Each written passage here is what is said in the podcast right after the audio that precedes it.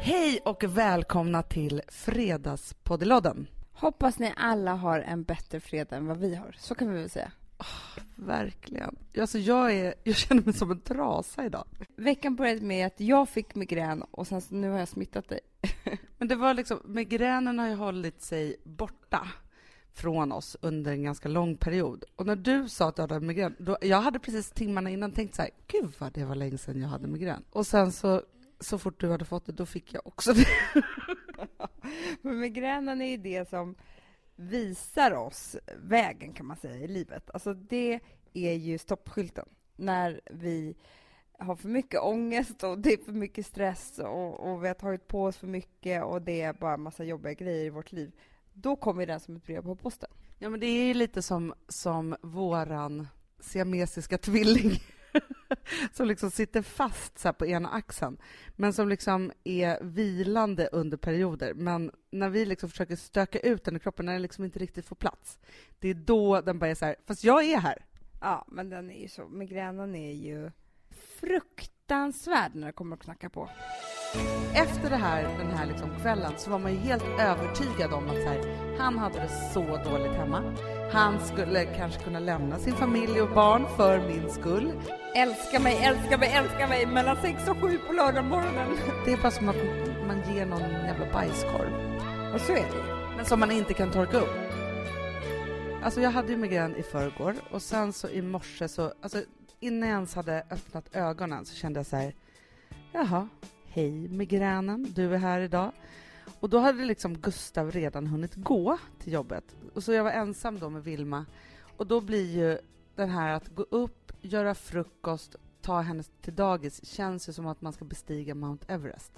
Mm, det är som det. Och sen så, så nu har jag skrapat ihop mig, jag har gjort alla de här sakerna och sen så det som också blir med migränen är också att så blir jag också så jävla arg och ledsen på migränen. Jag blir jätteledsen.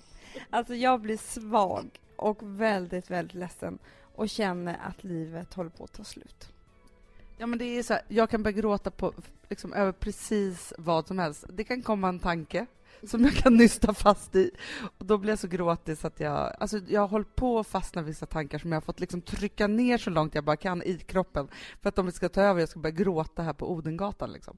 Ja, men du, på tal om huvudvärk. Jag var ju på galej kan man säga helgen. Verkligen. Du var ju... Du körde ju... Du var ju diskodrottning kan man säga. Ja, nu tar vi tycker jag. Men jag var i alla fall läckbergsk och eh, gick ut åt middag med en tjejkompis. Alex var hemma med barnen och jag tänkte att nu jäklar, nu har jag varit hemma i mer än ett år. Nu ska jag ha en härlig kväll ute. Bra tanke. Mm, mycket bra.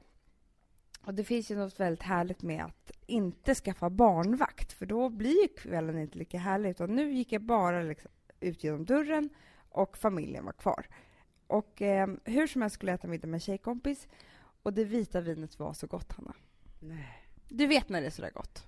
Jag, vet, jag har lite svårt med migrän att tänka det just idag, för idag så skulle jag ju liksom dö om jag överhuvudtaget ens luktade på vitt vin. Men det finns ju ingen gång som när man ska gå ut och man mår så här bra, man känner liksom att alla onda känslor i världen är borta, och man ska få ta det där glaset, det där goda, goda glaset. Men sen så är det ju också så att eftersom jag inte äter socker och kolhydrater nu efter min eh, hälsokontroll så tror jag att jag drack extra mycket vitt vin för att jag hade inget annat att göra på det där bordet. Förstår du? Jag menar, ingen efterrätt, ingen, liksom, du vet sådär. Men, men alltså, det var inte så att jag blev jättebrusad. Men jag, jag gav mig in lite i, i brusningen. Det var härligt, du vet, när man dricker flera glas vin. Sen då gick vi vidare till ett annat ställe och där var det massa människor jag kände.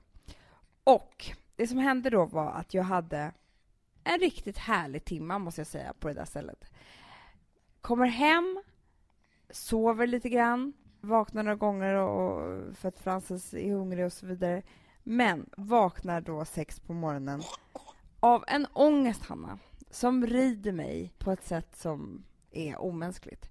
Jag går då igenom varenda sekund av vad jag gjorde på det här stället den här timmen. Jag har gjort bort mig då i mina tankar. Du vet, jag går igenom, har jag hälsat på den personen i fel tonläge? Där är jag. Alltså jag, varför För det är också så att jag det är det som det hela går ut på, berusningen. Att man vill berätta saker för folk, eller hur? Jo, men det är ju väldigt mycket så. Men du, för det där delar ju vi. Innan jag fick rosa, alltså när jag var en riktig partypingla, alltså på riktigt och verkligen liksom hade det som ett extra jobb. Nej, men typ, man var ute lika mycket som man jobbade, typ. Eh, då var det så, då kunde jag, alltså jag hade ju aldrig vaknat med ångest. Någonsin. Alltså man vaknade och det var happy clappy och det spelade ingen roll om man hade liksom hånglat eller legat eller vad, vad som nu hade hänt. Det värsta som kunde ha hänt var kanske att man inte hade fått hångla legat. Alltså var typ där. Men sen efter jag fick rosa, för det är också det här efter man får barn, då vaknar man ju också den tiden som man skulle vaknat med sina barn efter en, en partynatt. Precis. Då känner jag ju hur alkoholen jag har druckit under natten är på väg ut. Den, den bara letar, den famlar liksom i min kropp, den rusar omkring som ett gift för att hitta en por att tränga sig ut ur. Och där, när den liksom tränger ut, då drabbas ju jag av alltså, det största mörkret man kan tänka sig. Ja, men, alltså jag är så paranoid, Hanna, under den här timmen. Så att jag tror att alla som var ute på det där stället igår sitter just nu och har samlat familj och vänner för att berätta vilken fruktansvärt jobbig människa jag är. Alltså, liksom, kan hon bara försvinna från jordens yta? Så tror jag att alla tror om mig. För jag har ju... Dels har jag varit för mycket. Alltså jag har varit... Jag har pratat för högt och jag har liksom kramat för hårt. Och jag, har, alltså jag har varit bara för mycket eh, överlag. Sen har jag också berättat för mycket. Jag har berättat för mycket om mig själv. Jag har berättat hemliga saker för folk också. Eller kanske inte så hemliga, men liksom så här, typ jobbprojekt som inte ens ska bli av, har jag sagt att det, det kommer nu. Eh, du vet, jag, har liksom, jag har delat med mig på, på, på alla olika plan alldeles för mycket. Men du säger ju alltid det bästa till mig när jag ringer till dig och har den här ångesten. Då brukar du säga till mig så här, men Hanna, du var ju med dig själv hela kvällen. Det är klart att det blev alltså, för mycket för vem som helst. Men alla andra fick ju bara fem tio minuter och då är det bara härligt. Och det där tänkte jag på då i lördags morse, vad jag själv hade sagt till dig. Alltså jag försökte, försökte vara min egen mentor. Men det funkade inte riktigt då. Jag ville gå upp, Alex var ju så gullig som gick upp med barnen, jag ville gå upp till honom och bekänna saker. Alltså bara så här, eh, berätta allting jag hade sagt till någon. Alltså, Sen, men, och det roliga är att sen vaknade jag nästa gång ett par timmar senare, för jag fick då sovmorgon. Då är ju allt det här borta. Ja, men det är ju när alkoholen surrar omkring på det där sättet. Det är ju kemisk ångest. Men det du kanaliserar ut den ångesten i är ju din största rädsla då tydligen, som är att vara för mycket. Ja, eller jag tror också att det inte var omtyckt. För jag tror ju då att alla hatar mig. Ja, men det tror jag också. Men jag tänker också, jag tänker att folk bara tänkte så här, stod där medan jag babblade och babblade och babblade och tänkte bara så här, hon är ju helt sjuk i huvudet den här personen. ja, och nu vet vi inte, det kan ju vara så att de tycker det. Men då är ju det ett faktum. Ja, och då kan man ju skita i det då, men det är det också att när man är så där lite svag också, där vi liksom sex, sju snåret på morgonen, då är man ju så svag för, att, alltså, för bekräftelsen. är, man har ett så stort behov av att bli älskad. Och har man ingen som gör det där och då, i den där ångesten, då eh, blir det så här, men du, det är kanske det, nu kom jag på, jag fick en tanke här samtidigt som jag pratade. Det kanske var det som var att jag inte hade ångest, den ångesten innan jag fick barn. För nu så är det så här, ja, men om man går ut då, ja men då har man ju sin, sin man eller kille, eh, men det är lite vardagsmat, liksom man är så här, men då kanske man hade en het älskare som låg och baddades på honom, så man hade inte ens tid att tänka på det där. Åh, oh, gud. Det är det jag måste be Alex om nästa gång. Älska mig, älska mig, älska mig mellan sex och sju på lördagmorgonen.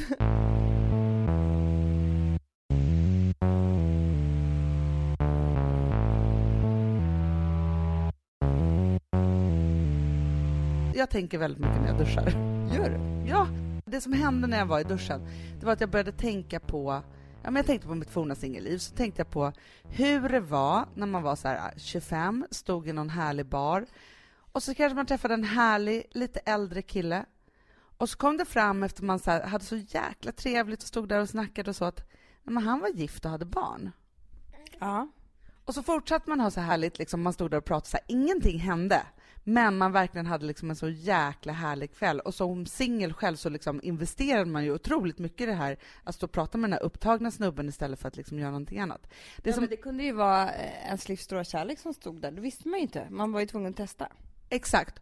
Och efter det här, den här liksom kvällen så var man ju helt övertygad om att så här, han hade det så dåligt hemma. Han skulle kanske kunna lämna sin familj och barn för min skull. Eh, det kanske kan bli någonting ändå. Man kanske var sugen på att dra iväg det där smset. Eller, alltså, då drog man inte iväg så många sms på 1800-talet när jag var ung. Men, men ändå, eller liksom ringa Förstår, man hade den typen av tankar. Och då tänkte jag bara så här, Fy farao vad man blir lurad alltså. Han stod ju bara där och fick liksom sitt värsta, värsta egoboosten av mig som var någon liten jäntsnärta liksom så. Och kunde liksom bara hålla på med det där, för det var ingen investering i honom för, överhuvudtaget, utan han bara tog och tog och tog och tog. Sen gick han hem till sin fantastiska fru som han älskar jättemycket. Ja, såklart och sina fantastiska barn som är hans livsallt och inte ha en tanke någonsin på att det här snacket skulle vara någonting annat än bara för att liksom boosta sitt ego lite. Ja, men han tyckte det var lite roligt att kolla så här, vad finns det här för någonting? Hur, hur är livet utanför småbarnslivet? Är het fortfarande? Precis. Och det kanske var precis det han också behövde för att sen gå hem och ha fantastiskt sex med hans underbara fru. Ja, för det vet man ju själv att så här, visst om man skulle stå och prata med någon så blir man jättesmickrad och så vidare, men man skulle aldrig tänka en tanke på att man skulle liksom lämna sin familj för att det är det bästa och finaste man har i hela livet. Ja, men sen förstod man inte heller då vad barn betyder. Alltså man förstod ju inte. Men idag en skilsmässa är ju liksom det absolut största och värsta man kan gå igenom om man har barn. Jag vet. Min gamla skilsmässa. Ska vi inte prata lite om din skilsmässa? Nej, vi gör inte det. Vi skiter i det då. Ja. Jo, men alltså, det steget är ju eh, väldigt, väldigt stort. Men då trodde man att det kanske var så här, nej men alltså han tycker verkligen, han gillade verkligen mig. Han kommer nog börja fundera på att kanske bli skilsmässa hemma. Han sa att jag var så vacker. Ja, precis. Och det kanske han sa för att han ville bara vara snäll mot Naja. Alltså förstår det, det kanske inte var så att han kände så mycket för det. Nej, och jag tänker bara så här att man är så omedveten om då, alltså innan man har fått barn och alltihopa, man är så omedveten om att man står där och man är som på två olika planeter som liksom råkar studsa in i varandra för en stund, men som kommer lämna varandra och liksom försvinna till varsitt solsystem. Förstår du vad jag menar? Ja, men sen så, det som kunde hända då också, det var ju inte bara att man, alltså man blev ju kär. Ja! Det var ju det som var så hemskt. Alltså man missuppfattade ju situationen totalt. Det var nästan så här, han stod där och sa de här sakerna trots att han hade fru och barn. Så det här måste ju vara helt otroligt. Början på något jättestort. Verkligen. Och man kunde inte ens tänka tanken på hur jobbigt det skulle vara att driva någon till skilsmässa eller alltså det kanske man inte gör, det kanske var överdrivet. Men alltså om man verkligen skulle ja. se hela den här processen framför sig, då skulle det ju vara helt crazy bananas. Ja, men skulle en kille idag säga till mig bara att, att jag verkar vara en het eh, mappy, inte milfy, utan du är mappy. jag börjar bli så gammal, Anna. Mappy. Eh, nej, men milf, liksom. Och eh, då skulle jag ju ta emot det och kanske till och med beställa in ett glas champagne till honom för att jag blev så glad, för att jag kände mig så eh, underbar för stunden. För att sen så liksom ringa Alex när jag går ut därifrån och berätta det här och skratta. Men förstår du hur långt det är till skilsmässa därifrån? Verkligen. Jag måste faktiskt berätta om ett otroligt, så jag berätt, apropå att berätta för Gustav. När jag och Gustav var ute sist, så var jag ute med några kompisar och sen så står jag och då min tjejkompis utanför eh, Teatergrillen där vi var och käkade middag. kommer en kille och han bara tittar på mig, han bara men, ”Tja!” Jag bara hej”, hej så här. Känner inte vi varandra? Vi har träffats förut, va? Jag bara, ja, kanske ute någonstans. Han bara, och vad är din man? Jag bara, nej men han är inte inne. Han bara, ah, vad synd, annars hade vi kunnat käka middag. Han liksom checkade av mig. Men gud. Vad och så tänkte jag att det var ganska. men jag, vet du vad jag tänkte var så fantastiskt? Att alla då som är singlar, alltså så man, man bara så här, tja, och så bara så här, vad är din tjej?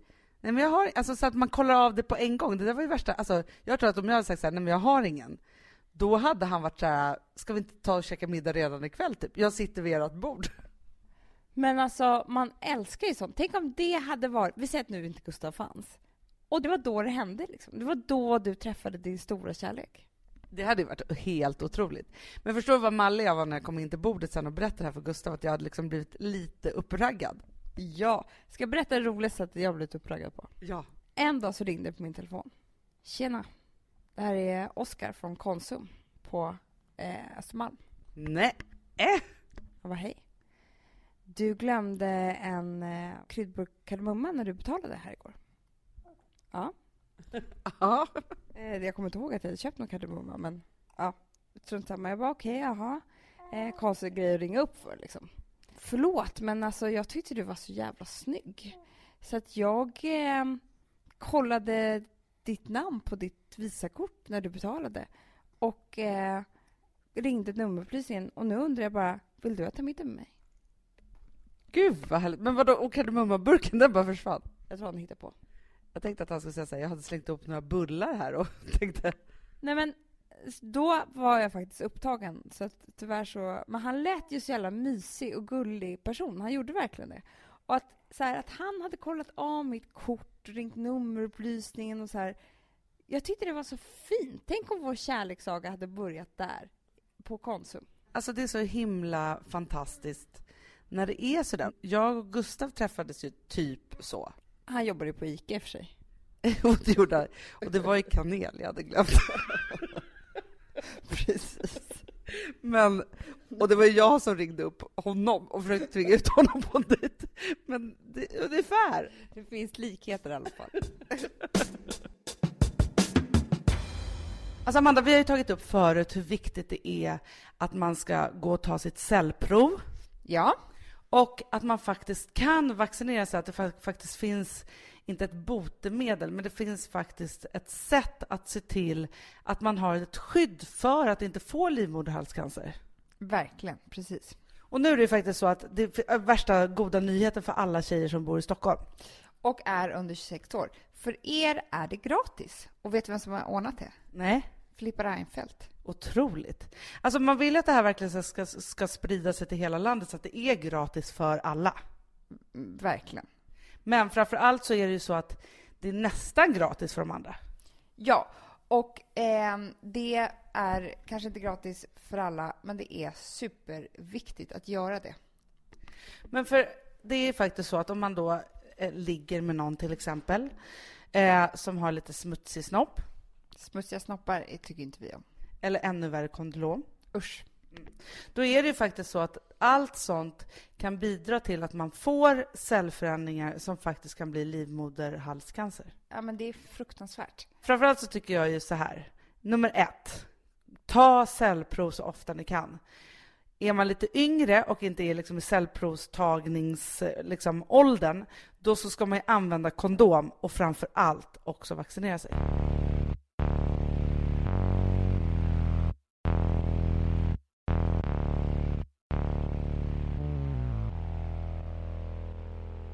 Amanda, vi är sponsrade av Sambla. Ja, och det tycker jag är så bra.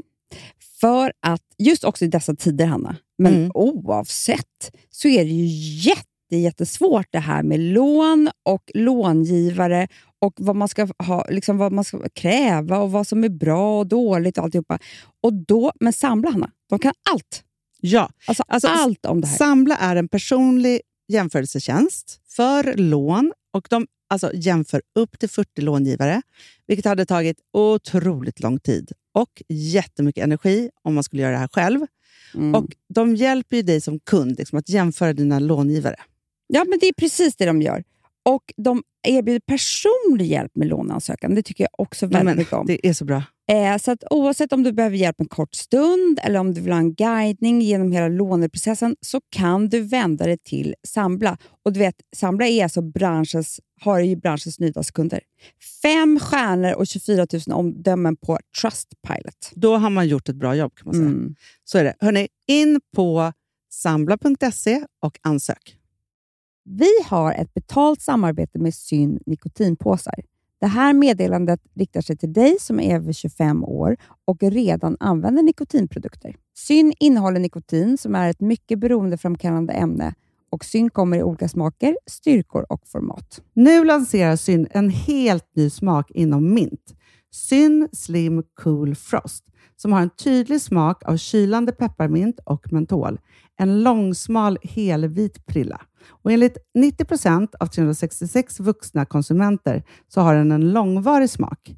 Läs mer på niko.com och klicka in på syn. Och glöm inte att slänga din tomma dosa i plaståtervinningen.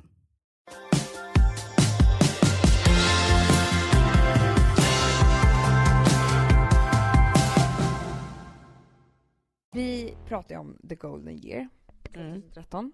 Varje dag och hela tiden. Det är vårt viktigaste år det här tydligen, livet. För att göra det här till the, golden year så måste man ju också, liksom, det kan ju inte bara komma till en, man måste ju också kämpa lite för det. Och då tänkte jag på en sak som faktiskt har äh, två saker. Det ena är att jag fick höra häromdagen att en tjejkompis som är ganska nära tjejkompis, men inte så här jättenära, men ändå en i, i gruppen, hade snackat skit om mig. Nej.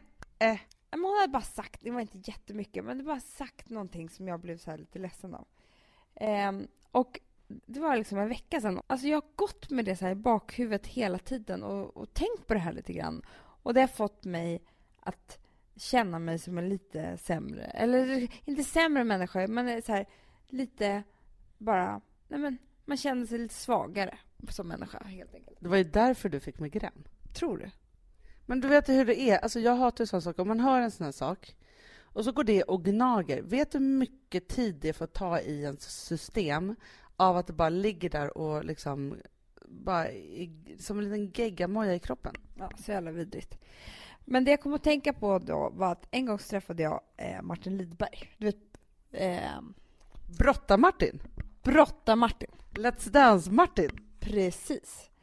Och han berättade för mig det året som han vann VM eller OS eller vad det nu kan ha varit, han har ju vunnit någon jättestor titel i brottning, eh, så bestämde han sig ett år innan för att om han skulle kl- kunna klara av det här så skulle han bara ha positiv energi i sitt liv.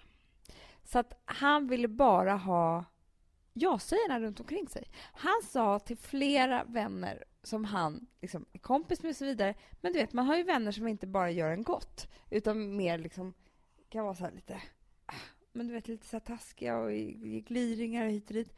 Så han bara så här, hörni, vi ses om ett år för just nu måste jag bara fokusera på träningen. Han sa ju inte kanske exakt, nu kanske jag avslöjar här. men han sa Du förstår ju alla kompisar som inte fick hänga med honom det året att ja, det var ju de som var hans negativa energi. Precis, tyvärr. Och så bara så här, om, liksom, gav han sig med människor som älskade honom och som tyckte så himla, himla, himla... Alltså att- som tyckte att han var världsbäst helt enkelt. Han sa så här, det här, jag vet att det här var en stor del till att jag vann. För jag kände mig som on top of the world. Alltså, folk kan tycka att det är så här fegt att bara ha ja-sägare omkring sig eller att, att så här, man ska minsann veta vem man är. Både bra och dåliga sidor och, och du vet allt det där. Men jag bara kände så här, varför då? Men jag håller helt med dig där, för det finns ju de här som älskar att det är så här, jag är en väldigt rak och ärlig person. Och så är det på sätt något, eh, alltså det är deras ticket, deras biljett till att kunna säga elaka saker till vem som helst om vad som helst. Ja. Man har ju en massa människor omkring sig som, eh, som gör en pyttelite illa hela tiden. Pytte, pytte, pytte, pyttelite. Sen har de andra kvaliteter som är ju härliga såklart. Men det kanske inte är värt det. Men du, får jag fråga en sak? Vad gjorde du med det här skitsnacket? För att om man bara tar emot skitsnacket och inte liksom får ut det någonstans eller frågar det eller alltså så, då ligger det ju liksom kvar där. Jo, men som, du vet ju hur det är med sånt skitsnack. Det får man ju höra från en annan vän i förtroende. Så man kan inte göra bort den.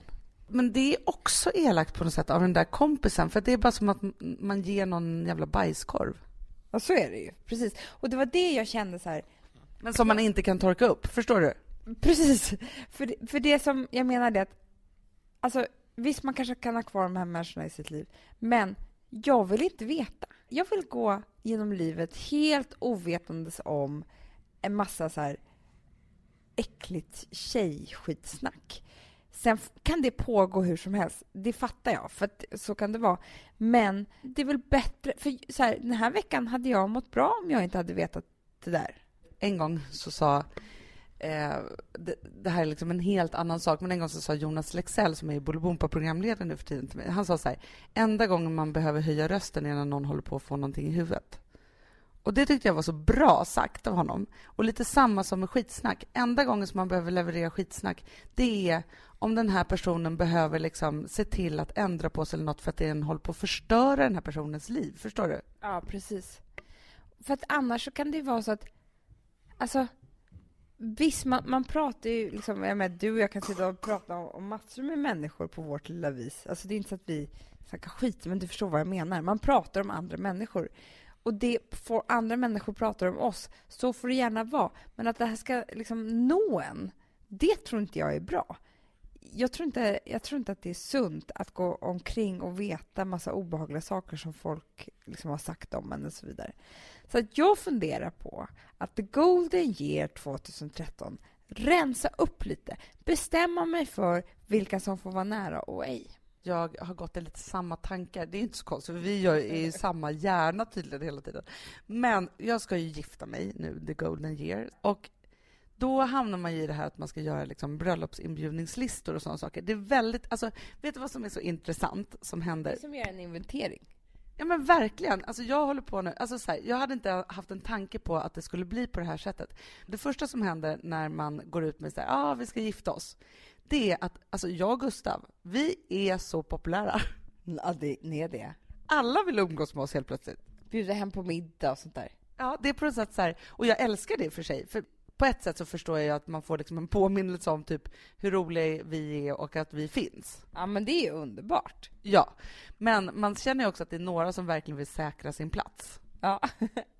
Eh, så. Och det är liksom roligt och det kan jag tycka är härligt, liksom, att tänka så här, men då ska de verkligen ha en plats där. För de liksom, alltså så här, så. De, då bryr sig de om er och att de vill komma på ert bröllop. Ja, men baksidan av det här som gjorde mig liksom lite ledsen var att jag har, har en kompis som bor eh, ganska långt bort härifrån. Och då så ringde jag till henne och berättade den här stora nyheten och då berättade jag för henne såklart också ungefär när det här skulle äga rum. Ja. Men sen så har vi flyttat det här nu ungefär en månad och så pratade jag med henne häromdagen igen och så eh, liksom ringde hon till mig och efter samtalet så kände jag mig ledsen. Jaha.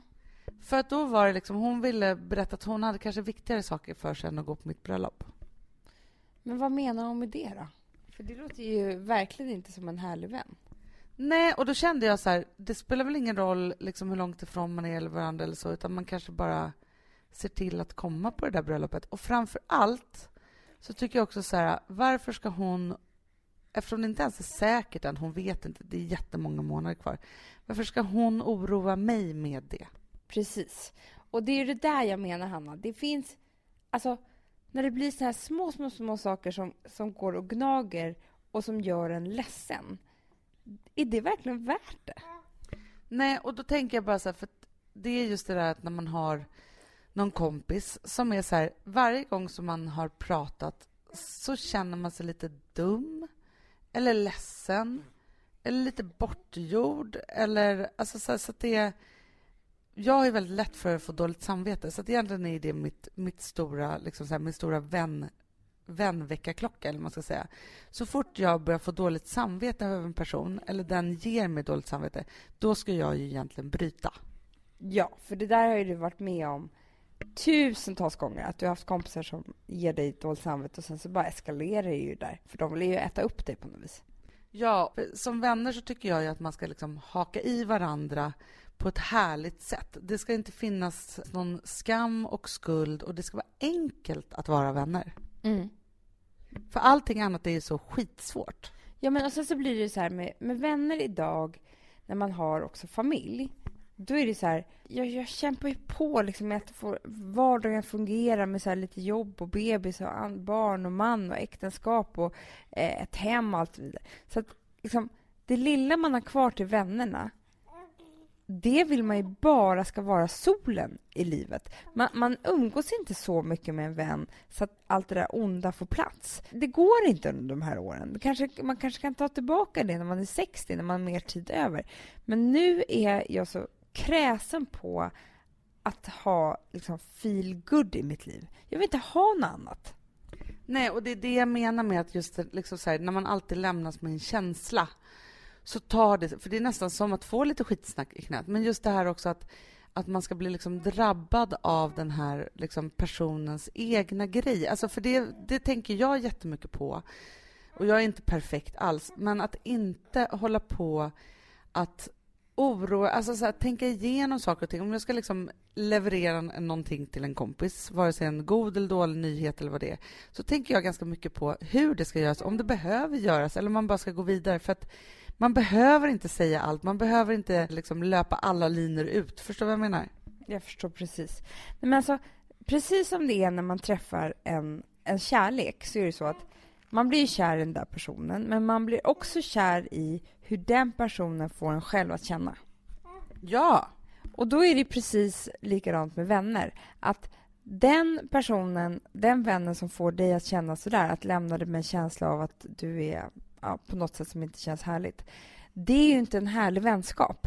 Däremot så finns ju de vännerna som får en att känna en liksom så jävla härlig. Alltså jag, jag brukar tänka på det att jag ser ju inte mig själv som en rolig person egentligen.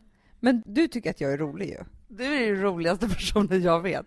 Jag vill skratta. Alltså, du, jag vill bara att du ska veta hur mycket tid jag och Mikaela på kontoret, så vi, vi berättar Amanda-anekdoter och skrattar åt det.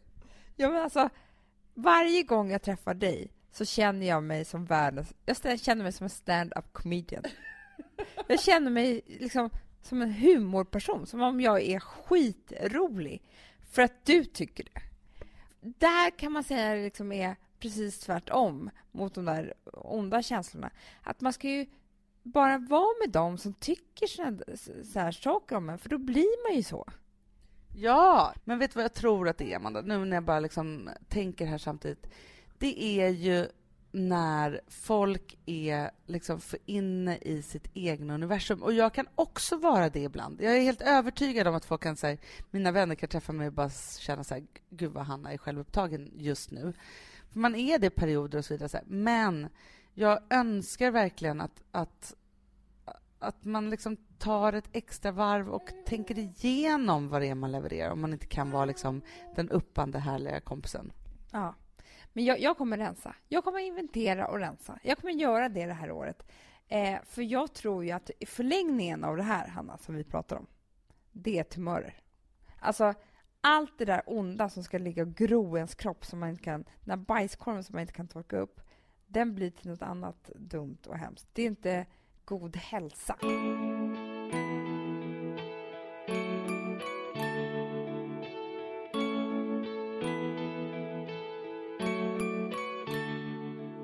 Woof, woof. ja, det var kul. Mm, jag är lite mer så här, man måste, när, när man pratar, alltså vi sponsrar Prima Dog, och när man pratar med den jag känner så att alla woofande måste vara med. Det finns ju de som säger woof, woof, och så finns det woof. Alltså, det, det finns det många... här är mera Fonzie. Han, han skäller inte så mycket, men han låter så här... Ruff, ruff. Han har sån. Eller hur? Så, ja, det har han faktiskt. Får jag, säga, jag skickade ett klipp till dig. Contemporary dance med hund. Du, det är så Fonzie dansar när han får prima dogmat. För att, Ja. Vet du varför? Den är så snäll mot magen. Han får en helt bekymmersfri vardag. För du vet, magen, den måste man ta hand om. Verkligen. Nej, men så här, och Prima Dog har ju torrfoder, våtfoder, godis och tugg i sortimentet. Alltså tugg är ah. som de skulle hålla på att tugga på. Det är, faktiskt, det är Fonzies favorit faktiskt. Tugget. Ja, men han har ju också börjat älska våtfoder. Mhm. Det skulle jag också kanske tycka var go- Ja, gott. men jag, jag förstår honom faktiskt. Men det är alltså vetefria produkter med mycket kött. Och det är det som jag tror är så bra. Produkterna finns ju online, i välsorterade djuraffärer och i dagligvaruhandeln. Alltså jag skulle vilja att du och Fonzie lär er contemporary dans. Det var ju som agility fast med dans. Mm, ja, ja, vi ska Ja. göra det. Vi- Jag tror att Prima Dog kommer vilja ha oss som ansiktet utåt. Ja, men det är det jag känner. Ni dansar er fram till... Alltså för deras, jag älskar ju deras eh, liksom tagline och det är Taste of Nordic Happiness. Och liksom, Då måste dansen vara med. Ni kan gå in och läsa mer på primadog.se och snart se mig och Fonzie i en dans på en skärm nära er. Underbart! Du Amanda, Ja, vi är sponsrade av All I Am. det är det mysigaste. Alltså för det första, två produkter vill jag prata om. Mm. Det ena är blusher drops. Ja. Ser du på min kind? Jag ser. Det är någonting, det är alltså så här peachy liksom, eh, kan man säga, färg. Men, och jag har ju alltid lite rouge innan, så jag är ju romantic plum innan. Men det, det som är att det är någon så här hyaluronsyra, det är massa olika grejer som gör att det plampas och blir glowigt och typ slätt. Jag vet inte vad det är. Nej, men alltså, man ska säga så här, peachy glow solving everything. Så är det. Så. Nej, men så här, oh my också på god, jag har en känner man kind, lite- jag har ett käkben. Ja, men också så här, på sommaren när man då är brun och då får man lite rosor på kinden och alltihopa. Bara lägga den där. Ja, och lite på ögonen, Ja. lite på näsan. Alltså jag är tokig i... Ja, men det är ju blush och highlighter i ett. Oh, Om man lite över läppen också. Ja. Nej, men alltså, den är, nej, men alltså, man ser så nykär Nej, ut folk- när man har den på Det sig. här är ju nästan, efter glow primern, är det här den produkt som när folk sätter på sig den första gången så är det så här: wow, nej men Mm. gud, här, oh my god, nej jag måste ha mer. Att det, man, blir, man blir galen alltså. Helt galen. Du, sen är det ju så att man behöver ju också glow för kroppen. Och nu har ju liksom Ola Jäm och vi eh, tagit fram den ultimata glowing oilen. Alltså Nej men, nej men snälla, dels så doftar den så gott, Mm. den är eh, massa fukt i, men den kladdar inte. För det är det med olja annars, det är så här, hur ska jag kunna sätta på kläder efteråt? Eh, och så är det ett litet, litet, litet skimmer som nu alla ben och armar och dekolletage behöver, för vi, inte, vi har inte den här sommarbrännan än. Men även när man har brännan behöver man ju det. Men alltså, nu känns det så tryggt. Ja, men när man har sommarbrännan, då blir det så snyggt så att det inte är klokt. Och till man har sommarbrännan, då kan man liksom fuska sig snygg. Verkligen. Så. Och när ni ändå, för nu har ni en kod och det är Fredagspodden 20 som ger 20% på ett helt köp på H&M. Och då skulle jag säga en grej till. Ta hem också dagkrämen med SPF 30. Mm. Finns ingen bättre dagkräm och ni måste ha SPF nu.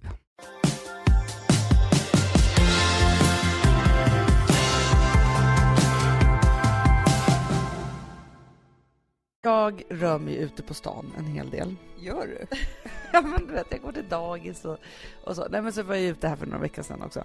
Men jag måste bara säga det att under mina, mina små promenader som jag gör så träffar jag ofta de ljuvligaste människorna som lyssnar så mycket på den här podden och kommer fram och säger det och har så mycket härligt att säga. Jag vill bara säga att jag är så glad när ni kommer fram och att jag får så otroligt mycket energi av det. Ja, men vi ringer alltid upp varandra efter något sånt där har hänt och bara nu, nu pratar jag med en tjej och hon tyckte om oss. Nej, men alltså, det är jätteviktigt att eh, när man gör en sån här grej att, liksom, att träffa er, ni som sitter på andra sidan. Annars vet vi inte vilka vi pratar till. Nej. Och det är också så här, jag får alltid också med någon liten historia. Så här, nu har jag lyssnat på Göra slut-podden jättemycket så nu har jag lämnat ett superdåligt förhållande eller nu har jag gjort det här eller det här och då känner man sig som extra, extra, extra härlig för en liten stund. Just att man har känt att någonting som man själv har pratat om har kunnat bidra till en förbättring i någon annans liv. Det är helt fantastiskt. Ja, det är helt otroligt. Och dessutom så fick vi ett mejl av två tjejer som inte bara lyssnar på oss, de har gjort en egen podd om oss, Hanna. Lördagspodden! För det första så blev jag så glad och smickrad. Skrattar jag så mycket. Speciellt när de säger att de vill också bli medelålders och äta charkisar. För att jag ser ju inte mig själv som medelålders. Jag tror att jag själv är 20 år. Eh, vilket jag absolut inte är, så de har ju helt rätt. Men när de också säger så här, när jag lyssnar på dem då känner jag så här, jag kan också bli gammal. det är inte så farligt. Nej, men det är underbart. Men framför allt också alla ni som är just... För just de här tjejerna, de var ju 18. Och sen så träffade jag också en underbar tjej som var 15 och som var så här, men vi lyssnar också på podden och vi vill att ni ska veta det. Och då vill jag bara säga så här, vi är ju liksom 30 plus och då pratar vi väldigt mycket om det och till de som är 30 plus. Men vi är superglada att ni är med och känn att det här är framtiden. Om ni nu vill ha den här, just den här framtiden. Det här kan vara er framtid, eller inte. Nu kan du välja. Exakt. Ska du inte lyssna lite på Lördagspodden? Verkligen. Jag känner så här. Om jag blir som Amanda när jag blir stor. Amanda, varför just Amanda? För att jag tror att Am- Amanda är lite mer jag. Hanna är lite mer min bästa kompis. Men vem skulle du säga att jag är? Jag har alltid identifierat mig med Amanda. Har du inte det? Jo, jag har alltid identifierat mig med Amanda. Ja, jag med. Men skulle du identifiera mig med Amanda eller med Hanna? Ehm, Jag skulle säga att du var Jättesvårt. Hanna. Hanna är ju... På, Hanna är väldigt speciell. Fast det är ju båda. Mm, verkligen. Men Hanna, Hanna är ju som, som den här... Nej, hon är den där bästa kompisen som Fast man bara grejen vill är- ha i sitt liv och bara... Ja, fast i vårt, alltså i vår två gemenskap, om Ja. man nu tittar på olika så här, Ja. delar i sitt liv. I vår två-del, Ja. då ser jag ju dig som Hanna och mig som Amanda. Ja, men det kan jag hålla med om. Ja, lite. Alltså så som vi är. Mm. Alltså så där kan det ju låta då på Lördagspodden. Ja, alltså otroligt. Eh, Flera eh, veckodagspoddar. Mejla till oss, det vore ju urkul. Jag finns ju på Hanna med H på slutet at perfectdaymedia.se. Ha nu en fantastisk helg. Eh, vi tycker så mycket om er. Ni är underbara. Ja, och glöm inte att vi finns då på våra bloggar. Eh, och så finns vi på Twitter. Jag heter Hanna Videll och eh, du heter ju... Det här är så svårt, Amanda. Jag vet. Jag heter Mandy Schulman på ett på Instagram. Där är jag som mest aktiv skulle jag säga. Twitter är jag också eh, inte så aktiv, men ibland. Eh, och där heter jag Amanda Videll, för jag tyckte det var trevligt att ha kvar mitt gamla namn någonstans. Underbart tycker jag ändå. Eftersom jag ibland får heta Schulman. Men jag heter Hanna Videll på alla ställen. Och sen så kommer vår nya tidning snart. Underbart! Februari är här och det är ändå en kärleksmånad. Verkligen. Hej då! Puss puss! Puss och kram!